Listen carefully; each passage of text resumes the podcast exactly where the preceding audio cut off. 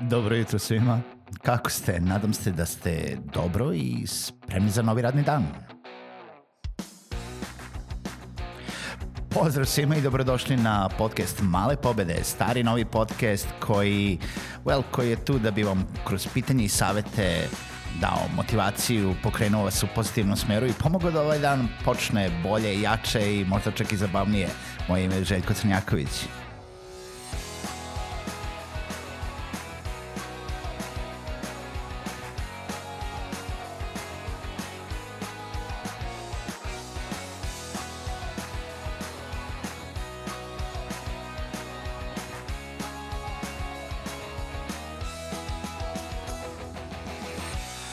Svima, dobro jutro i dobrodošli u novu epizodu podcasta Male pobede.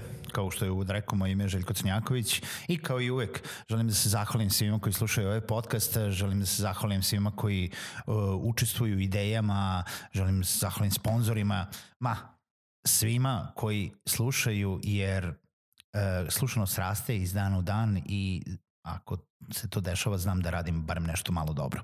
Um, u današnjoj e, epizodi želim da pričam s vama o volontiranju.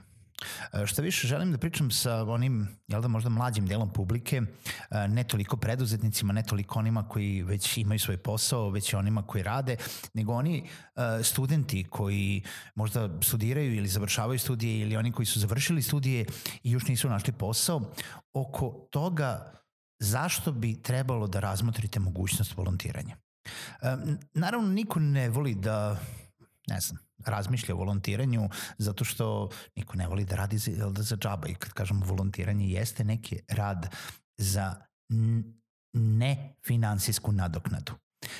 Da radite nešto, a da ne budete plaćeni za to. E, zašto bi trebalo da razmotrite da ipak uđete u neki program volontiranja, u stvari da se javite negde i da prihvatite mogućnost volontiranja. Pa iz jednostavnog razloga zato što volontiranje obogaćuje prvo vaše iskustvo, vašu uh, mogućnost daljeg zapošljavanja, kad mi se jezik ispreplete, uh, je vaša mogućnost tog zapošljavanja je uvećana s time ukoliko ste negde volontirali. Takođe, zato što ste volontirali i za, zato, zašto uvećavate tu mogućnost, jeste da ste prikupili neko iskustvo. Naučili ste nešto iz prakse.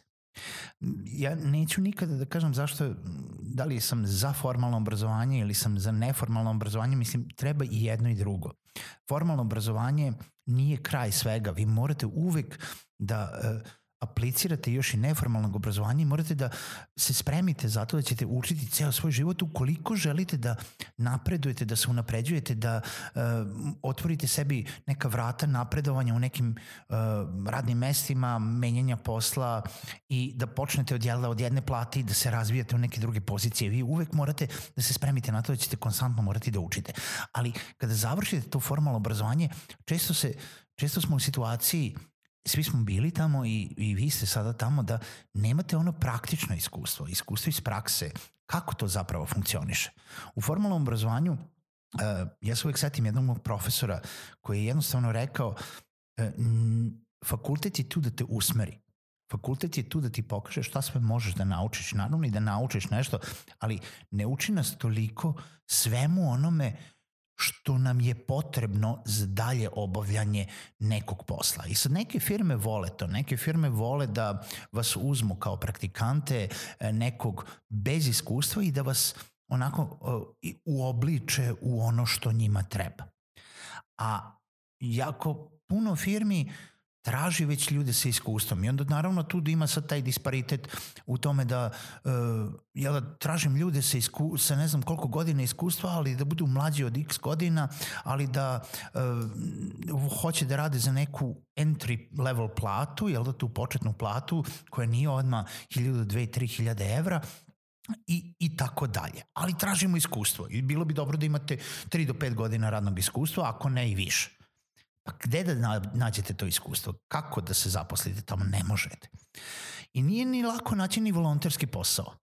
Nije, zato što gomila firmi nema taj uh, volonterski program i ne znaju šta da rade sa vama. Ne znaju uh, šta bi mogli sve da iskoriste i sa druge strane morate da razumete da je to trošenje resursa firme, vremena, znanja, nekoga da vas nauči da radi nešto. No, ima mogućnosti za volontiranje. Da li je to volontiranje tokom uh, letnjeg raspusta, jel da neke pauze u vašem studiranju, u srednjoj školi, mislim, nebitno kada se odlučite za volontiranje, zavisno to, to koliko ste vi željni i voljni za rad, ali postoje varijante. Postoje varijante tako da vi dođete ne tako da sad ja ne znam ništa i samo ću da sedim dok mi neko ne pokaže šta da stisnem na tastaturi. Vi imate neko osnovno znanje, nešto ste i sami radili kod kuće, e, nešto ste se spremali za to. Ali u prolaskom kroz program volontiranja, nebitno da li radite u, u sekciji marketinga, da li radite u sekciji programiranja, da li radite u sekciji dizajna, da li radite ne, nešto sa rukama, neki fizički rad, nebitno, sve je to iskustvo. I sve to treba da se nauči. Postoje određeni procesi rada, postoje određeni um, određene formulacije kako se to najbolje radi. Postoji praksa koja će vam pokazati nešto što nema u knjigama. Nešto što jednostavno ne možete naučiti samo štrebanjem mikro i makroekonomije i odnosima na tržištu i kako se to radi iz učbenika. Jednostavno postoje neki procesi. Drugi razlog zašto treba volontirati jeste baš zbog onih internih procesa i organizacija rada unutar firme. To vas ni jedan fakultet neće naučiti. Disciplina rada u samostalno ili disciplina rada u timu, način komunikacije unutar firme, uh, različite procedure koje se razlikuju od svake firme, kod svake firme, ali opet ima nešto što možete da pokupite, ima nešto što, na što treba da budete spremni, ima nešto gde ćete se moći adaptirati na različita očekivanja u daljem zaposlenju na, iz tog iskustva koje ćete proći kao volonter u nekoj firmi. Treba da budete otvoreni, treba da budete željni znanja, treba da budete jednostavno, pa, ž, da postoji ta sobstvena želja za samo unapređivanje. I onda, kada budete došli na neki razgovor za posao posle toga, vama danas sve ulazi u CV. Da, vama danas sve ulazi u razmatranje tog nekog HR-a koji će vas intervjuisati. I kako ste se ponašali na fakultetu, kako ste polagali ispite, koje ste sobstvene projekte uradili, da li imate neki da li imate nešto na društvenim mrežama, da li ste bili aktivni u nekom udruženju, da li ste negde volontirali. Šta ste naučili kroz taj proces? Šta je za vas bilo važno? Kako ste rasli? Sa kojim očekivanjima ste vi ušli u to, a sa kojim saznanjima ste izašli iz tog procesa?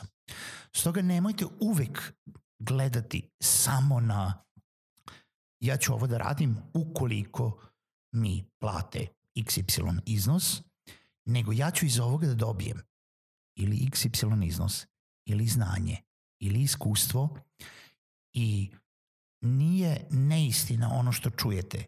Kao mladi ljudi, kao studenti, tada je pravo vreme za volontiranje. Ne volontiranje kada imate 35 godina, 38 godina, možete i onda. Možete to da radite pored nekog drugog posla. Ali tada imate vremena da sastavite svoj život i svoje, svoje očekivanja od daljeg života.